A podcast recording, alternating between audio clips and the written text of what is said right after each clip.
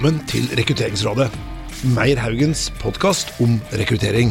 Jeg heter Petter Meyer. Og jeg heter Sverre Haugen. Dette er podkasten hvor vi samler smarte folk for å drøfte hvordan vi kan gjøre rekruttering bedre. Sverre, i dag har vi en gjest som ikke bare at vi har gleda oss, men det er jo en gjenganger i studio. Frode Hyberts Haaland. Velkommen, Frode. Jo, takk. Ja, og de som har hørt deg før her, da, eh, for du har, dette er jo tredje gang du er med i podkast hos oss. Og eh, de som eh, kjenner historikken, er at du var jo læreren min på Høgskolen i Østfold for, på 90-tallet. Og da foreleste du i organisasjon og ledelse. Og jeg var en sånn derre eh, ja, student i 20-årene som trodde han visste alt, men etter å prate med deg så skjønte jeg at jeg visste ingenting. Og nå, eneste som er forskjellen, er at han er ikke er 20-årene lenger. Og så har du ikke lenger den T-skjorta 'Harry er død' som du gikk med, husker du den? ja, det er det. Ja, det, det, det kunne nok stemt. Da kan jeg bare vitne om at Harry lever i beste velgående. Men det, jeg kommer fra Notodden, vet du, og der Harry er positivt lada på Notodden. Så det synes jeg var, så var en trist T-skjorte den graden. Ja, men Det var jo DumDum Boys-låta, det, vet du. Ja, eller uh, CC Cowboys, Cowboys, ja. Cowboys. Var det. Ja, ja. Men, men det er jo ikke fordi Frode var læreren din han er her. Det er fordi Frode er en av Norges eh, fremste rekrutteringseksperter. Det er helt riktig. Forfatter av boken 'Å knytte bånd'. Ja, og den er- boka må jeg si er den aller beste boka jeg har lest om rekruttering, og jeg har lest en del. Den er eh, svær og tjukk og har mange spennende temaer. Eh, og der er det noe for enhver smak. Ja, og vi, vi snakker jo om denne boka som om vi hadde aksjer i bokselskapet, men det har vi altså ikke. Men vi, vi skryter av den fordi den har veldig mange gode perspektiver på rekruttering som vi mener bransjen trenger. Absolutt. Sånn som realistic job preview, f.eks. Og onboarding, som vi skal prate om i dag. Og onboarding, Ja. som er dagens tematikk. For uh, Frode, hvorfor har du uh, For du, du holder mye foredrag om onboarding, annet. Hvorfor er du så interessert i onboarding, da? Nei, altså, Bransjen har vært ekstremt opptatt av eh, å velge den rette, men så har de glemt bort at eh, når du har valgt den rette, så skal jo den på jobb. Ja. Og det er jo ikke slik at eh, fordi om du har valgt en som har noen kvaliteter, så vil vedkommende på helt automatisk vis virke og prestere. Fordi den jobben han skal inn i, er jo en annen enn den var i tidligere. Derfor er onboarding så viktig. Hvordan lære folk å bli del av en ny organisasjon, en ny sosial gruppe. Nettopp. Og så, så bare for å sette det litt i kontekst, så tenker vi at vi prater jo vanligvis om rekruttering. Eh, og det er jo da the noble art of recruitment, som vi sier. Og før der igjen så har du jo eh, rekrutteringens fattige fetter fra landet, og det er jo employer branding. Og hva skal vi kalle onboarding da? Er det eh, Hva skal vi si? Godt spørsmål. Er det, hva skal vi si, er det Ja, men i hvert fall det er poenget. Vi tenker employer blending først. Rekruttering, onboarding, og så er du ansatt, og så har du en exit, da. Så Da har du hele syklusen. da har du hele syklusen. Ja. Men eh, tenkte vi skulle bli litt bedre kjent med deg, Frode, før vi kommer inn i the juicy stuff, som er onboarding, da. Men eh, passion, det er vi interessert i her, eh, Frode. Hvis vi skulle prate en hel kveld om noe som virkelig er interessert i deg, og du kunne prata hele kvelden, hva skulle det vært? Hvis jeg skulle prate hele kvelden, så måtte det vel være et eller annet sånn landrover eller onboarding eller ansettelser eller et eller annet sånt. Men eh, hvis jeg skulle kose meg den kvelden, så ville jeg heller snakke med deg om en ting du syns var morsomt. Ja. Men jeg, jeg syns jeg hørte feil. Du sa ikke Land Rover? Jo, sa Land Rover. Jeg, jeg glemte ikke å si jakt. Men da kunne dere prata hele kvelden, da kunne vi tatt en prat om sånn god jaktbil. da For jeg har drevet og sett på noen sånne Defendere nå for å se på Kanskje jeg trenger en ordentlig firehjulstrekker som jeg kan ta med og kjøre ut på jakt. Har du en Defender? Defender er litt mer rudimentær. Det jeg har kjørt er eh, Discovery, som er en bil som passer like godt til å kjøre til operaen eh, som, eller konserthuset, som den passer på å kjøre ut i skogen. Men er ikke det litt sånn livredd for å få riper i og sånn? Nei, nei, nei, nei overhodet ikke. De tar, er veldig takknemlige for å få noen bulker. Ja, det, Og jeg må jo bare si det er jo utrolig deilig å diskutere jaktbiler istedenfor fotball, Petter. Ja, det kan du godt si, men hva, hva kjenner deg en god jaktbil, da, hvis vi skal innom passion-delen her, Frode? Han må jo ha firehjulstrekk, ha veldig god plass, og burde helst ikke bruke så mye eh, diesel eller bensin som en Land Rover gjør. Det er jo det som er problemet. Så Ja. PT så er jeg altså inne i hvitt år for andre år på rad uten Land Rover. Å, ja. Tyvärr, tyvärr. Jeg har ikke råd til å drifte det, og har ikke tid til å drifte det. For Land Rover er jo bygd, det er jo engelsk eh, pubingeniørkunst på sitt beste. Ja. De er jo bare litt dårlig bygd. Iallfall fall de gamle som jeg har kjørt. Men også har jeg lyst til å legge til på kravspekken Må tåle gjørme og døde dyr. Ja, Og så må du også vel ha en sånn maskingeværfeste sånn luke i tak, så du kan stå i, i forsetet ved siden av kjøreren. Og ja, er- har det er som du kan bare legge ei byge mot ja, okay. Nei, det heter high ace. Det heter high ace. det er high ace, ja. Ålreit, nok, nok jaktbil. Ok, men som sagt, temaet i dag er onboarding. Men Frode, du som da er onboardingseksperten framfor noen, fortell, hva er, hvordan definerer du onboarding? Onboarding eh, er eh, det som arbeidsgiver gjør for å forsøke å få eh, nyansatte inn i jobben og få dem til å prestere og tilpasse seg så raskt som overhodet mulig. Eh, Så det er altså det som arbeidsgiver gjør. Eh, Mens vi vet jo at den prosessen der folk kommer inn i ny jobb, det krever òg at den nyansatte tilpasser seg. Og det har vi egentlig ikke noe begrep for. Nei. Nei. Så eh, en kan noen snakke om integrasjon eh, som, eh, som møtepunktet mellom de to prosessene, altså hva arbeidsgiver gjør, og Så, hva den så det du sier nå er at liksom selve begrepet onboarding handler om egentlig hvordan bedriften skal ta imot den ansatte, mens det er lite fokus på den ansattes tilpasningsprosess? Helt riktig. Ja, det er jo interessant, da. Ja, det Ja. er pussig. Men, men jeg tenker at det, de som da sitter og lytter på nå, da, eh, og så tenker de ja, ok, onboarding liksom, Ja, det høres jo bare greit ut, det, men, men hva slags fordeler, da? La oss gå rett til eh, de positive og eventuelt negative effektene ved god versus dårlig onboarding. da. Hva, hva, hva går du glipp av her hvis du har dårlig onboarding, og hva får du hvis du har god onboarding? Altså Det vi vet er at eh, alle nyansatte de føler usikkerhet eh, den første tida i ny jobb. Eh, og siden de fleste har flere søknader søknader inne samtidig, så kan du risikere at du mister en fyr som har begynt. Og folk har altså, sitter ikke fast i stolen i ny jobb før etter flere måneder, og de har faktisk høyere eh, turnover-rate enn sine nye kolleger i to til tre år. Det betyr altså at det, vi kan risikere å miste folk hvis vi ikke klarer integrere dem i deres nye, nye kontekst. Men, det handler også om prestasjoner. Altså ja. få folk til å lære å gjøre jobben sin. Eh, fungere sammen med sine kolleger. Eh, det aller meste arbeidet nå til dags er jo samarbeid. og Det betyr at du må få kontakt med dine kolleger, lære hvordan de tenker, arbeide sammen med dem. Og så må du tilpasse deg en kultur som kan være veldig forskjellig mellom ulike organisasjonsdeler og ulike organisasjoner. Men litt det du sier der om liksom data på at to til tre år så har det større turnover intention. Eh, som hodejeger, da, så er det sånn hvis jeg finner en kandidat, og så skal jeg prøve å kanskje flytte på en kandidat, og så ser jeg at nå har vedkommende nettopp begynt i en jobb, la oss si tre måneder, seks måneder, så tenker jeg da er det én av to ting. Enten så er vedkommende nesten umulig å flytte fordi de er nettopp committed og liksom har gått inn i noe, eller så har de kjøpt katta i sekken, og da er det dritlett. Og det, det er liksom Er det sånn med onboarding at enten så går det gærent, eller så går det bra? Ja, det, ja, du kan jo kanskje si det sånn. Altså det, det som er, er problemet, er jo at eh, når du skal gjøre noe eh, nytt for første gang, det skal du jo på mange måter gjøre, for du skal begynne i en organisasjon du tidligere ikke har vært i. Du skal jobbe sammen med folk og under ledere innenfor kultur av nye arbeidsoppgaver osv. Så, videre. så liksom, muligheten for å trå feil er så absolutt til stede. Eh, og Det betyr òg at eh, folk kan få dårlige erfaringer, uansett og hvor, eh, hvor presise de måtte være i eh, ansettelse, gjennom ansettelsesprosessen. Vanligvis er de jo ikke presise, det er jo bare godt ljugd fra arbeidsgivers side hvor fantastisk det er å jobbe et sted.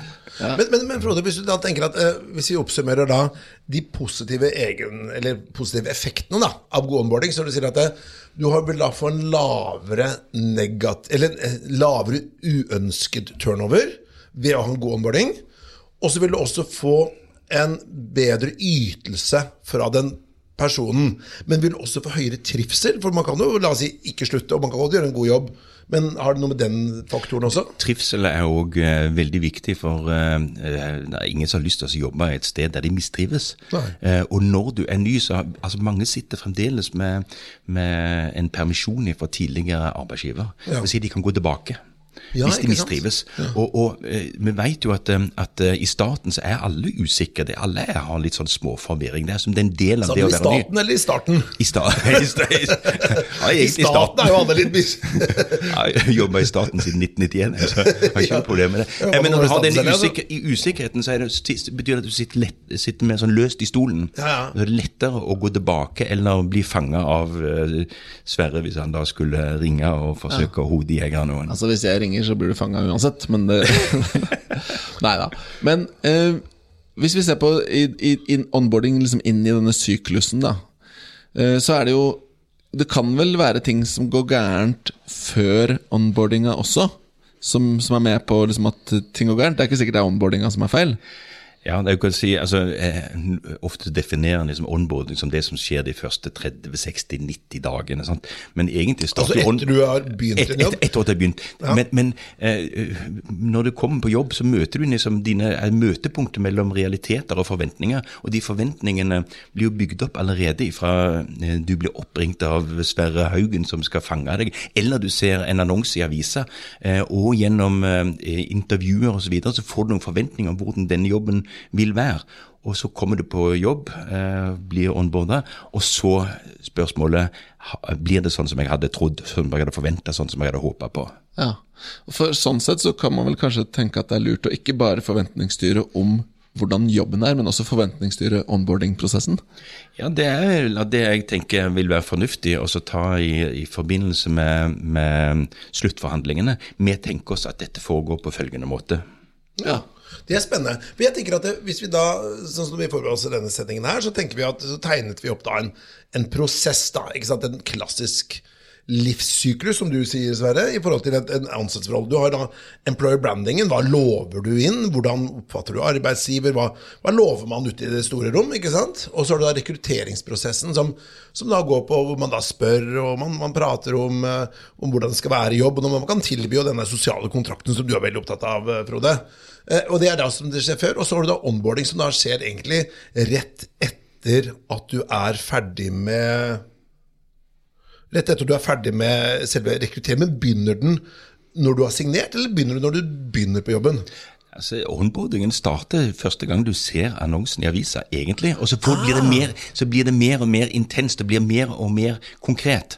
Eh, nettopp fordi at du får noen signaler om hva som skal skje. Og eh, når du møter på jobben, det er jo, det er jo da det liksom, realitetene møter forventninger, og det er da du opplever hvordan det faktisk er. Og, Men, men, men du, Frode, sier, for da, da, sier du, da, da tror du nok du har et ganske vidt onboardingsbegrep. Da. Liksom, du, du tenker onboarding skjer fra første gang du på en måte får hunch om at her er det en jobb, uh, at du ser annonsen i avisen, til det har gått Du har sagt tidligere til meg to år etter at du har begynt jobben. jobben. Jeg tror det er en ganske vid Ja, definisjon. er det ikke, er det ikke, vil det ikke være riktigere å si at onboardingen påvirkes av forventninger? De begynner å skapes allerede da? Ja, det kan du gjerne si. Det en, altså, hvis du, hvis du istedenfor snakker om integrasjon, så, så starter altså forventningsstyringen veldig tidlig, og så fortsetter de to til tre år. Selve onboardingen er vanligvis definert som å være aktiviteten som foregår eh, den aller, aller korteste tida. Tre, tre, seks, ni måneder der omkring. Ja. Så gjerne prøvetida. Men alt det blir altså prega av de utvekslingene du har med arbeidsgiver, arbeidsgivers representanter. Ja, nettopp. nettopp. Spennende. Men i hvert fall tankegangen her er at ting du lover i employee-brandingen, hva du siler på og den kontrakten du, eh, altså sosiale kontrakten du har i, i rekrutteringen, det har betydning for hvordan du da tar imot folk, og hvordan du behandler folk. Eh, For hvis du lover én ting og ikke holder det, så vil jo mistrivsel og eventuelt eh, syn på en feilansettelse komme fort. an. Ja, helt riktig. Kan man dele onboardingen i to? Eh, nå spør jeg deg liksom hva du tenker som faglig sett. Fordi noen ganger så er det jo ganske Det kan være alt fra noen uker til et år eller to år mellom en signering og du faktisk begynner. Og så har du denne første fasen hvor du liksom må sette deg inn i ting, og det er information overload osv. Altså pre-oppstart, ettersignering, pre-oppstart og etter oppstart. En vanlig, en vanligvis deler det inn i tre faser. Det er en, en, en getting in-fase som handler om hva er det som skjer fram til du tiltrer. Og Det handler om, om de utvekslingene som foregår gjennom ansettelsesprosessen. Og så er det breaking in, altså bryte seg en plass, rydde seg en plass i organisasjonen der du skal liksom bli den som eh, er den nye lederen eller den nye fagpersonen i denne rollen. Og så etter hvert så faller du til ro, og eh, organisasjonen faller til ro med deg. Så Da er du ikke den nye personen lenger. Hva kaller man den fasen, da? Hvis det er getting in, breaking in? Set, settlingen. Settlingen. Jeg husker det var noen som fortalte at de hadde jobbet i en offentlig Det var staten, for så vidt. De hadde jobba der i, eh, ja, i ti år, og så kom liksom sjefen bort på julebordet. Da, eh, på tiende julebordet. Ja, 'Jeg håper du vil trives her.' Og da er det liksom gått ti år, da. Og det er det som sier litt om, om staten. Og du er sånn, Jeg husker jeg jobba i Norges Bank, og da var du liksom den nye gutten på rekruttering. Jeg tror det var i fem år, i hvert fall. Så det er jo Han, han der nye. Ja, ja, ja, de visste jo hva det jeg altså Edgar Schein sier at eh, du er ny så lenge dere, du er den aller sist ansatte. Ja, du er- når, det kommer, når det kommer en ny en, så er du ikke lenger den nye. Ja. Og Det betyr altså at det er hvor hyppig eh, ansettelser foregår, som styrer hvor lenge du er ny. Ja. Men du, jeg tenker at vi skal da bare si at Kan ikke du gi noen eksempler på eh, For nå har vi pratet mye om effekt da, og sett det i sammenheng, men gi noen eksempler på hva er god eh, onboarding versus dårlig. Hvis du da skal si helt konkrete virkemidler. Er jeg liksom inne på de smørbrødlistene som HR-avdelingen er veldig flinke på eh, å definere, men ikke gjennomføre. Eh, Bare tenk deg, hva ønsker du selv når du kommer første dag på jobb? Ja. Eh, jo, står det en blomst på bordet, eller en konfekteske, eller et eller annet sånt, så betyr det oi, de vet om at det kommer. Eh, PC-en er klar, eh, visittkortene er klar, det står navnet ditt på døra, du spiser lunsj sammen med folk. Altså Tenk på alle de tingene som du egentlig kunne ønske hadde vært hyggelig. ditt funker, om du har fått en mailkonto og ja. ja, så alle de tingene. Og, og det, det rare er jo at det, det å sette opp en PC, det tar altså ikke noe lengre tid før eh, folk tiltrer enn etter at de har tiltrådt. Men vanligvis er altså ikke PC-en oppe og går før eh, en eller annen gang mot slutten av første uke. Eh, og, og det folk er ute etter, er er jeg velkommen. Ja. Så disse hilserundene du gjør, det er jo ikke for å lære folks navn, for du husker jo ikke mer enn de to-tre første navnene, maks. Eh, men det er, du får et bilde av det. Er, er folk eh, glad i meg? Er, er, venter de meg? Hva tror jeg om hvordan dette her kommer til å bli? Det er det, det viktigste. Så det er som den aller første tida. Jeg må, jeg må spørre om en ting, fordi jeg syns du svarte så bra i stad. Når jeg spurte om disse fasene, så hadde du til og med begreper på disse tre ulike fasene. Hvis du tenker på onboarding, da, så, vil jeg, så tenker jeg litt sånn at det er noen komponenter, da, byggesteiner, og så må du se er det noe faglig her. Er en Sånn måte å klassifisere på. Fordi jeg tenker at det er det du snakker om nå, som kanskje er dette med følelsen, hvordan du blir tatt imot osv. Men så har du noe, det er jo noe opplæring som må på plass.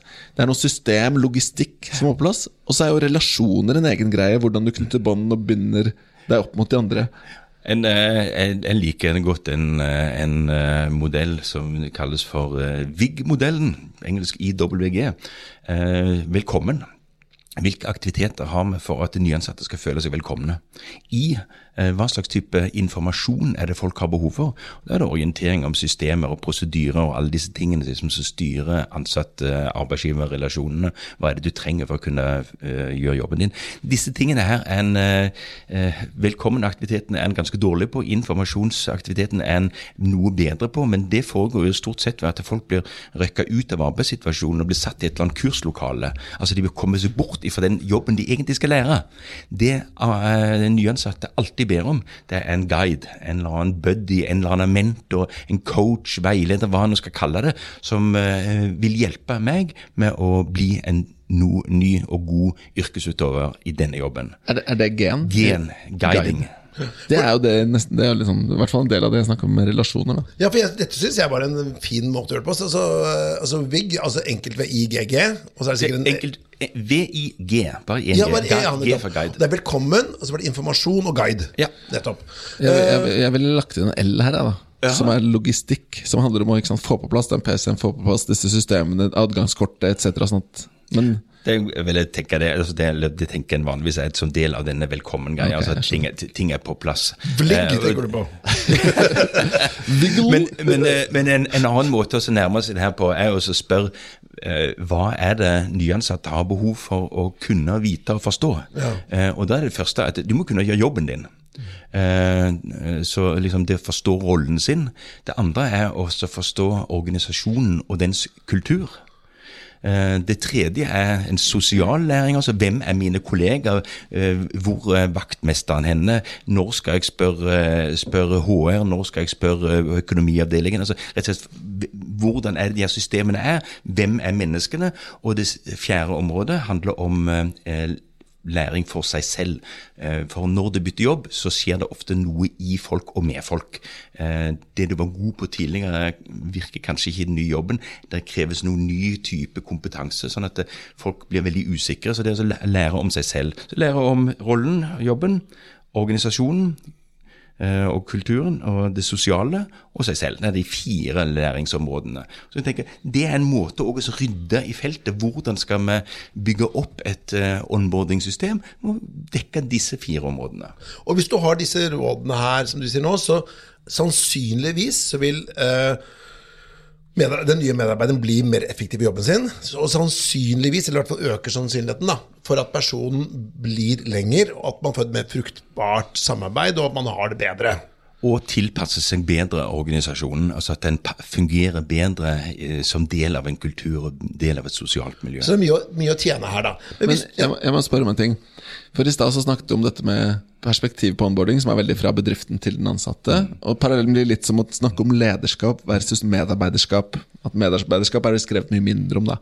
Men hvis vi ser fra den ansattes perspektiv Hvis jeg skal gå inn og starte en ny bedrift, hva burde jeg gjøre for å være best mulig til å boarde on, og ikke bli onboardet?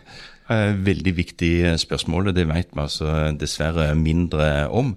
Eh, Men det handler om informasjonssøk. Hvis du er aktiv og interessert i å kartlegge bedriften, det kan du veldig fort gjøre mens du venter på å komme inn i jobben, for dette, da er det jo en forberedelsesfase. Du lurer nettopp på hvordan er denne bedriften. Så det å lære bedriften å kjenne hvordan ser den ut utenfra, er noe du kan gjøre. Altså, det handler om informasjonssøking. Når du kommer inn i jobben, så må du være aktiv og sosial sammen med dine kolleger, sammen med de aktørene som er rundt deg. og Det kan være både oppstrøms og nedstrøms, altså interne leverandører og interne kunder. Hvem er det vi tjener her i denne avdelingen? Du må lære de folkene å kjenne, sånn at du kan snakke med dem, kommunisere med dem og forstå hverandre. F.eks. omkring kvalitetskriterier. Men jeg, bare- men jeg tenker sånn der, Nå har vi pratet om ting som skal er bra for onboarding, da, men hvis du, har du noen sånne skrekkeksempler på sånn der som du bare har hørt gjennom din forskning, eller du har pratet med folk, og, for du har et stort kontaktnett, Frode. Er det noen sånne skrekkeksempler på bad eh, onboarding? Det er, eh, det er altfor mange eksempler på det. Men eh, noe av det som liksom har rysta meg mest, det er den lederen som ikke kom inn i SAP før det hadde gått to-tre år. Og Hver gang vedkommende skulle kontere et eller annet, så måtte han altså gå til økonomimedarbeideren, sette seg på økonomimedarbeideren sin eh, stol, og så gjør lederjobben sin derifra. Det er helt forunderlig. Hvorfor er det ikke hvordan er det mulig å ikke få ting til å virke? Men, men det er jo det, det er bare et bevis på at vi må få inn en L-en i VIG, så det går fra VIG til Wiggle. Som du kan wiggle inn. ja, ja, ja, ja, ja. Men også, jeg har jo også noen eksempler på, som jeg har hørt om, da, jeg har ikke opplevd det selv heldigvis, men at folk kommer på jobb, og så vet ikke de du kommer på jobb, at du skal begynne. Det er faktisk ganske vanlig. Det er òg eh, ikke helt uvanlig at sjefen ikke er der. Nei. Eh, det er, og tar deg imot. ikke sant? Du, du, du banker på døra, og de lurer som, ja, er det avisbud som kommer, eller hvem er det som kommer? Ingen vet at du skal starte. Ingen vet at de hadde en ledig stilling. I, altså, du kommer og bare Ja, nei, og så ja, og lederen er ikke der. Så rett og slett du, du, du, du føler deg omtrent som en innbruddstyv. ja, og så får du beskjed om at vi håper å få ordna et kontor til deg i løpet av uka, og så blir det i løpet av måneden. Ja, ikke sant? Er jeg velkommen? Er jeg venta? Nei da. Var det, Jeg var det helt avgjørende at jeg begynte her? Ja, sant? Jeg er en, for, jeg er en forstyrrelse. Det er klart at det, Du skaper ikke engasjement og forpliktelse hos folk hvis du ikke har de der eh, helt grunnleggende logistikktingene eh, på plass. Men ja. Frode, eh, det er et ordtak som sier at man kan ikke lære en gammel hund nye triks. Eh, Jeg har jobbet med rekruttering noen år nå, og også jobbet med onboarding noen år. Og det jeg har opplevd, og nå skal jeg ikke nevne navn på organisasjoner, og sånn, men det var at eh, vi var veldig gode på å onboarde studenter. For de kunne vi forme fra starten av, og de satt der og lyttet, og de var vant til å lære osv. Men disse som kom med arbeidserfaring, det var mye vanskeligere, fordi vi fikk dem liksom ikke inn i kulturen. Hva er det man kan gjøre for å få til det bedre? Dette handler jo om at eh, all læring er jo individuell. Jeg har andre læringsbehov enn det du har. Eh, Studenter har andre læringsbehov enn de erfarne fjellrevene. Eh, og så driver organisasjonen og gjerne lager eh, samme system for alle uansett. Og det blir bare meningsløst. Et uh, møte mellom eh, nyansatte og organisasjon er en, en, et, eh, en maktbalanse mellom to ulike prosesser. Det er organisasjonen sitt ønske om å sette sitt preg på den nyansatte. Sosialisering, og så er det den nyansattes personalisering. altså Nyansatte ønsker å sette sitt preg på rollen. De som da er erfarne fjellfolk, som har vært med i mange år, de hopper gjerne stupet rett inn, og så forandrer de og så forsøker å gjøre ting akkurat slik de ønsker. Det er ikke alltid det er så populært. Mens de eh, unge, uerfarne studentene, de er tilpasningsdyktige. Eh, og derfor lar det seg også mye lettere forme. Ja. Det er sosialiseringen som dominerer. Så, så hvis, vi, hvis vi snakker fordi jeg fikk en idé i stad, skjønner du, Petter. Når vi Yes. snakker om det her Vi skal lage en guide for folk eh, som vi rekrutterer inn. Sånn skal du lykkes når du går inn i dette nye selskapet. Det er en god ting. Og da kan vi legge til på den guiden og være bevisst den der balansen av hva du skal tilpasse deg, og hva du skal ta med inn. Jeg synes Ja, det er også, poeng, og det, det handler ikke bare om bevissthet, men det handler også om å legge eh, uenigheter og, og spenninger på bordet og faktisk avklare det, diskutere det. For det, det er ikke, Når du er ny, så er det ikke alltid lett å forstå hva er grunnen til at de gjør det på denne måten. Og så tenker en at, eh, at ja, men, dette må jeg få bestemme. Det å diskutere det, stille spørsmålstegn ved det, og arbeidsgiver må jo da òg være åpen for å diskutere den type ting. Men jeg tenker jo at øh, dette er med Nå har vi pratet liksom om uh, graduates og erfarne, da, men la oss si onboarding av en leder eller toppleder. Da. Er det de samme prinsippene der, eller er det liksom en helt sånn annen måte å gjøre det på?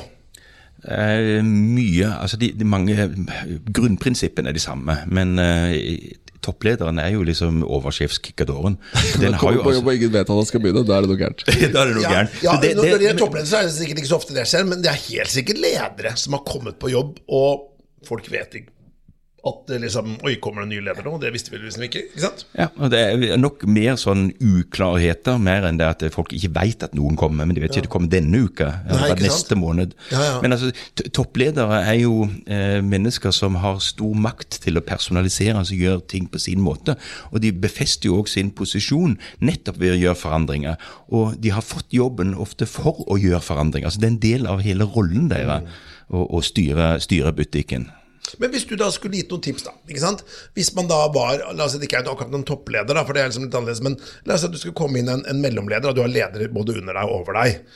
Eh, og så skulle du designe det perfekte onboardingsprogrammet for en, en mellomleder i en, en privat bedrift. Hvordan ville liksom, du tatt imot en, en eh, leder?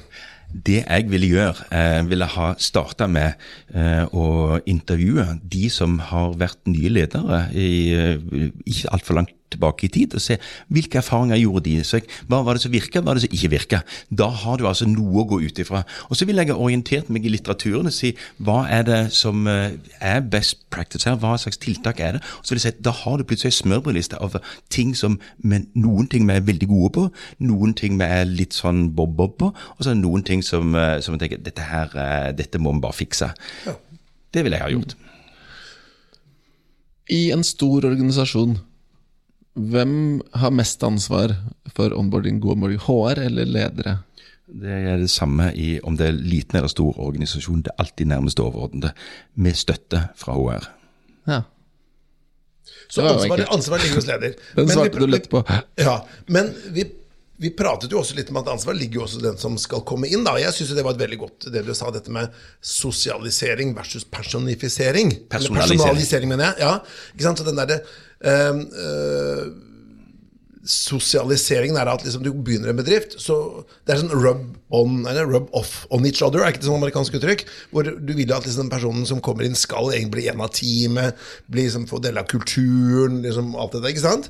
Mens den personen som kommer inn, så ønsker vi at kanskje tilpasse seg litt seg selv òg, for det kan jo ikke bare være ene eller andre, men det er jo mye lettere at en stor organisasjon har større påvirkningskraft enn én person.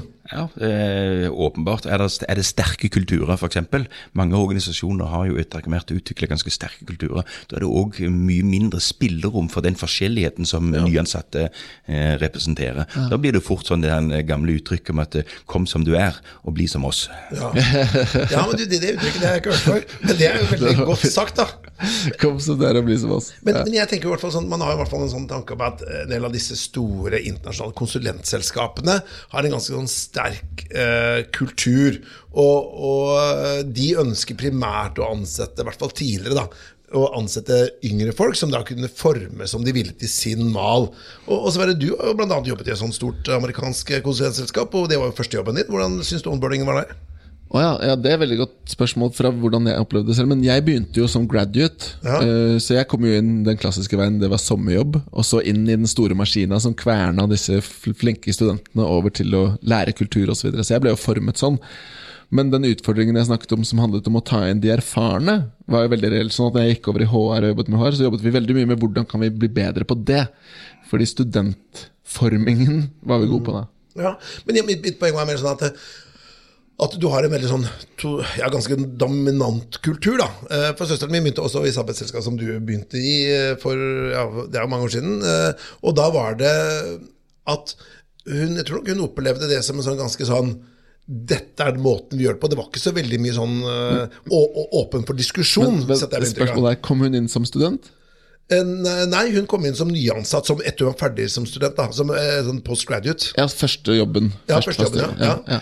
Og, og, da var det liksom, De hadde et svært opplegg. Eh, da skulle man til Chicago, og det var kanskje ikke så veldig hemmelig hvilket selskap det er nå lenger, men, men, det, men altså, da, da, skulle liksom du, du, du, skulle liksom inn i den formen. da, Dette er metodikken der, sånn skal du se ut, sånn skal du prate, sånn skal du jobbe. Og Det handler jo om å forme eh, disse nyansatte òg som eh, mennesker. Altså, eh, Selskapet er borte nå. Anderson Consulting det har gjenoppstått som noe annet. Ja. Eh, når du kom som graduate, så ble du altså henta på flyplassen borte i USA i en ekstremt lang limousin. Ja. Gjett hva slags følelse du får da.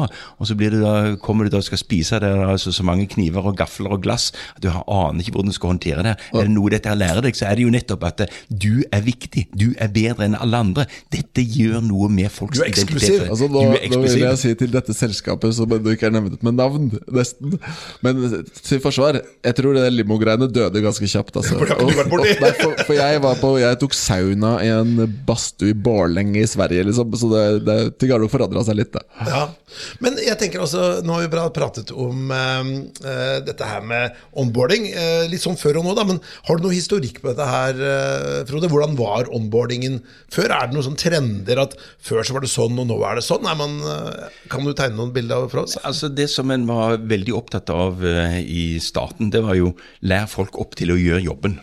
Ja. Lær, hvordan skal det her gjøres? Uh, og, og, etter hvert så oppdager den jo at uh, det som folk har størst problemer med, det er jo kulturen tilpasse seg kulturen. Så det er liksom den andre sånn fasen i, i uh, utviklingen. Og så oppdager en jo, surprise, at det finnes en lang rekke mennesker du skal lære å forholde deg til. Så det er det tredje området. Og det fjerde nå er å eh, bli flinkere og så møte folks personlige ønsker og behov. Altså gjøre ting mye mer individuelt. Ja, Det er interessant. Ja, Sverre, du hadde et spørsmål? Ja, jeg har egentlig tre spørsmål. Jeg. Eh, men, eh, for jeg har, jeg har tenkt ut liksom, Nå har vi en ekspert i studio her, og så har jeg lyst til å stille noen ekspertspørsmål. Så det vil si, sette han litt på, og så, og så høre hva han sier. da Og Det første ekspertspørsmålet mitt, eh, Frode, det er Hvis du skulle gitt et, et råd, eller gi råd du kan, Hvis du skulle gi råd til bedrifter som skal lage et system for onboarding hva skulle det vært? Du har egentlig allerede svart på det. Du må se på hva er det som virker i dag. Fordi at eh, Det finnes veldig mye god praksis, men det er vanligvis ikke institusjonalisert i regler, rutiner, prosedyrer. Men det er ofte en eller annen fyr som alltid tar nyansatte under sin ving. De folka der, bygg på de. altså Se på hva er det som faktisk virker. Det tror jeg er et veldig godt utgangspunkt, istedenfor å tenke at nå skal vi kjøpe en eller annen form for ny, nytt konsept og, og, og, og, lage noe helt nytt. Ta utgangspunkt i hva er det som faktisk fungerer. Så, og jeg er jo sånn, jeg liker å forenkle og konkretisere, men hvis vi, hvis vi tar en ting som vi vet funker, ifølge VIG, eller Wiggle-modellen, det er altså guide. Altså å, å, ha noen Det er de du sier med å ta noen, noen tar deg under vingen. Sette opp et slags mentorprogram, eller? Ja, mentor, buddy, hva det nå skal kalle det. Altså, no, noen kaller det for buddy, andre kaller det for fadder. og Det er liksom en mer sånn teknisk rolle. Mens mentor, mentorer, coacher og veiledere er mer sånn som skal hjelpe folk å tenke og forstå og, og la, lage nye handlingssystemer. Så, så uh, finn noen som folk kan jobbe sammen med, og, og uh, som kan, er gode representanter for kulturen. At det ikke er liksom, den som har best tid, som skal være mentoren. Uh, Eh, men en som faktisk er en god representant for bedriftens kultur. For Vi vet jo at den som har best tid, det er ikke nødvendigvis den som gjør jobben best. For Hvis du skal ha noe gjort i en organisasjon, så må du alltid spørre always ask the busy guy, for da blir det gjort. Det er min erfaring. Ja, og de folka som, som, har eh, for lite å gjøre, de representerer ofte en helt feil kultur, helt feil normer, helt feil kvalitetskriterier. Så ta utgangspunkt i de som faktisk virker. Ja. Og, og, så er det jo slik at hvis du, hvis du undersøker hvem er det folk snakker med hvis de har et problem, så samles det ofte rundt noen ganske få mennesker. Ja. De er gode guider. De er de ideelle onboarderne. For de, allerede, de vet at de allerede virker. De har allerede en posisjon. Folk ja. går allerede nå til de og spør. Organisasjons, lederen, kanskje. Organisasjonshyrdene. Hyrde der. Fint begrep. Ja, ja. Og det andre spørsmålet, ekspertspørsmålet, Sverre? Det andre, Jeg må bare dvele litt med organisasjonshyrde. Jeg synes det var et flott ord. Hyrde er ikke ofte man bruker. Nei. Uh, juletider, kanskje. hvis de som sitter og lytter på den podkasten, tenker at dette er jo egentlig interessant, det hadde vært gøy å lese seg opp litt mer på onboarding, så kan de selvfølgelig lese den eminente boka 'Å knytte bånd', som du har skrevet. Men er det noen andre litteraturtips på onboarding? Der er, der er skrevet ganske mye, mye, om det. Du finner kildene i uh, Å knytte bånd. Uh, men det er spesielt en som heter Klein Heuser, som var konsulenter, som skrev en rapport. Den finner en òg kilden på i, i, boka. Og til deg, Petter, som er liksom opptatt av film, ja. Så kan, det er vanskelig å huske sånne navn på sånne bøker. Men det er en som heter Kramer. Da kan du bare tenke Kramer versus Kramer. Ja, en som heter Michael Kramer, som har skrevet en bok som heter Organizational Socialization. Som er altså egentlig en lærebok, men den går gjennom all eh, forskning på en veldig sånn systematisk god måte. Det er lett å få et bilde av det. Så Kramer av, eh, om uh, Organizational Socialization. Ja. ja. Bra. Veldig bra. Siste spørsmål, dessverre. Siste spørsmål er La oss nå si at det er lenge mellom signering og faktisk oppstart. Hva er best practice å gjøre da? Det du, det, det du, da må gjøre, er å sørge for å holde kontakten med folk. Eh, du må holde kontakt med folk eh, gjennom eh, fysiske møter. Altså Det å bare sende mail ja, nå er, det, nå er det tre måneder, nå er det seks måneder vi skal begynne, det hjelper ingenting. Du må sørge Men, for å kalle folk inn og bli med på ting som vi holder på med. F.eks. vi skal ha noen personalfester og vi skal ha noen personalmøter. Sørg for at folk kommer med, og sørg for at de har noen å prate med. Som liksom, så blir sånn, De blir invitert på julebordet, og så kommer de aldri igjen. Ja, men du, Nei, men veld, veldig bra. Eh, men, men, bare for å ta en sånn siste oppfølging. La oss nå si at det er veldig travelt. Det er vel bedre å sende en mail enn å ikke gjøre noe? Ja, det, det, det, er jo et empirisk spørsmål, egentlig. Det vet jeg faktisk ikke. Uh, men, uh, men det, er veldig billig å sende en mail, da. Ja. Men, men har du det så travelt at du ikke har tid til å følge opp folk som skal begynne å jobbe hos deg, så lurer jeg på om du har tid til å ta deg av vedkommende når han begynner jobben. Den viktigste jobben man gjør som man aldri har tid til, det er jo rekruttering. Jeg tenkte jo bare, Vi må tenke på å gå i for landing etter hvert. men Siste spørsmål, det Frode. Dette med personlighet og onboarding. For liksom, Vi er jo forskjellige her. og Noen er jo ganske robuste. Litt uavhengig om de er liksom erfarne eller nyansatte, eller uh, altså tidlig i karrieren sin eller et stykke uti. Så noen vil jo på en måte helst klare ting selv og vil på en måte klare å være sosial og har nettverk og sånt noe, versus de som på en måte er kanskje mer forsiktige. og du, Det vil jo være de store individuelle forskjeller i forhold til personlighet i forhold til hvordan onboardingsprosessen må settes opp? Ja, det, det antar jeg, men det er ikke forska så mye på det. Det en har forska på, er hvor proaktive folk er, hvor aktive folk er i sin, sin læring. Ja. Men det har en, men lite på rent personlighet. Men det er klart at det er viktig å huske på at vi har snakka allerede om sånn graduates. Det er en helt annen type gruppe enn folk som er erfarne og har en lang eh, eh, Jobber kanskje i mange selskaper. Det er helt forskjellige typer prosesser som, eh, som trengs. Så du må liksom eh, skreddersøm for eh, den nyansatte. Behovene er jo individuelle avhengig av hvor du kommer fra. Noen kommer fra samme bransje, samme type selskap, bare hos en konkurrent. Eh, andre har bytta yrke. Ja. Andre har, eh, er helt nyutdannet. Noen har flyttet, noen ja. der, ikke sant, sånn. Men det med andre kulturer, da. Sånn, eh, er, vi, er onboarding forskjellig i Norge versus la oss si USA, eller Japan, eller vet du noen forskning på det? Ja, altså, den, den, viktigste forskjellen er at uh, i, uh, spesielt i USA og i England så er onboarding et kjempeviktig uh, tema. Altså, ja. det, det, er veldig omdiskutert, alle driver med det. Og det er verdens fortsatt, etter ti år eller noe sånt, det raskest voksende konsulentmarkedet. Mens ja. i Norge så er det, bare, det er bare på vei fremdeles. Ja. Men det er, mange, det er på blokka hos mange, det vet jeg. Ja, men det, det er ikke så mange som enda har kommet ordentlig i gang med det. Nei. Og så er vel noe av tankegangen at hvis du har sånn som nå er et stramt arbeidsmarked, det er la, ekstremt lav ledighet, det går bra i Norge, eh, og det er kamp om personer, så er det jo litt dumt da, at du har brukt masse tid, ressurser og penger på å få folk om bord og rekruttere dem, eh, og så pga.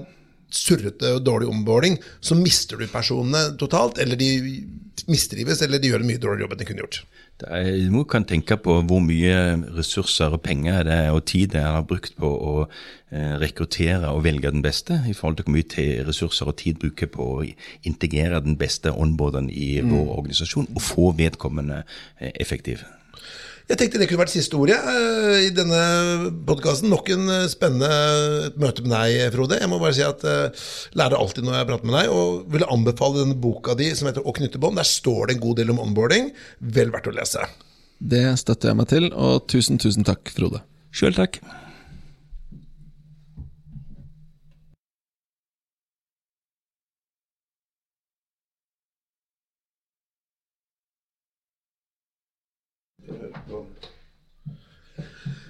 Ja, Frode, den boka di den er jo veldig bra eh, til mange temaer. Det er både rekruttering, onboarding og employer branding. Eh, og vi tenker å gi den boka til eh, lyttere som da har gode råd og tips eh, til oss, Frode.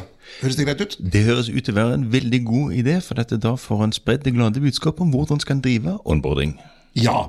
Så jeg tenker, de av dere som lytter på podkasten, send en mail til enten Petter Meyer Nei, petter at meierhaugen.no eh, eller sverre at meierhaugen.no, og gi oss gjerne noen tips og råd om tema dere har lyst til å ha med i podkasten, eller gjester. Og da, eh, hvis vi følger opp det, så blir det en bok i posten.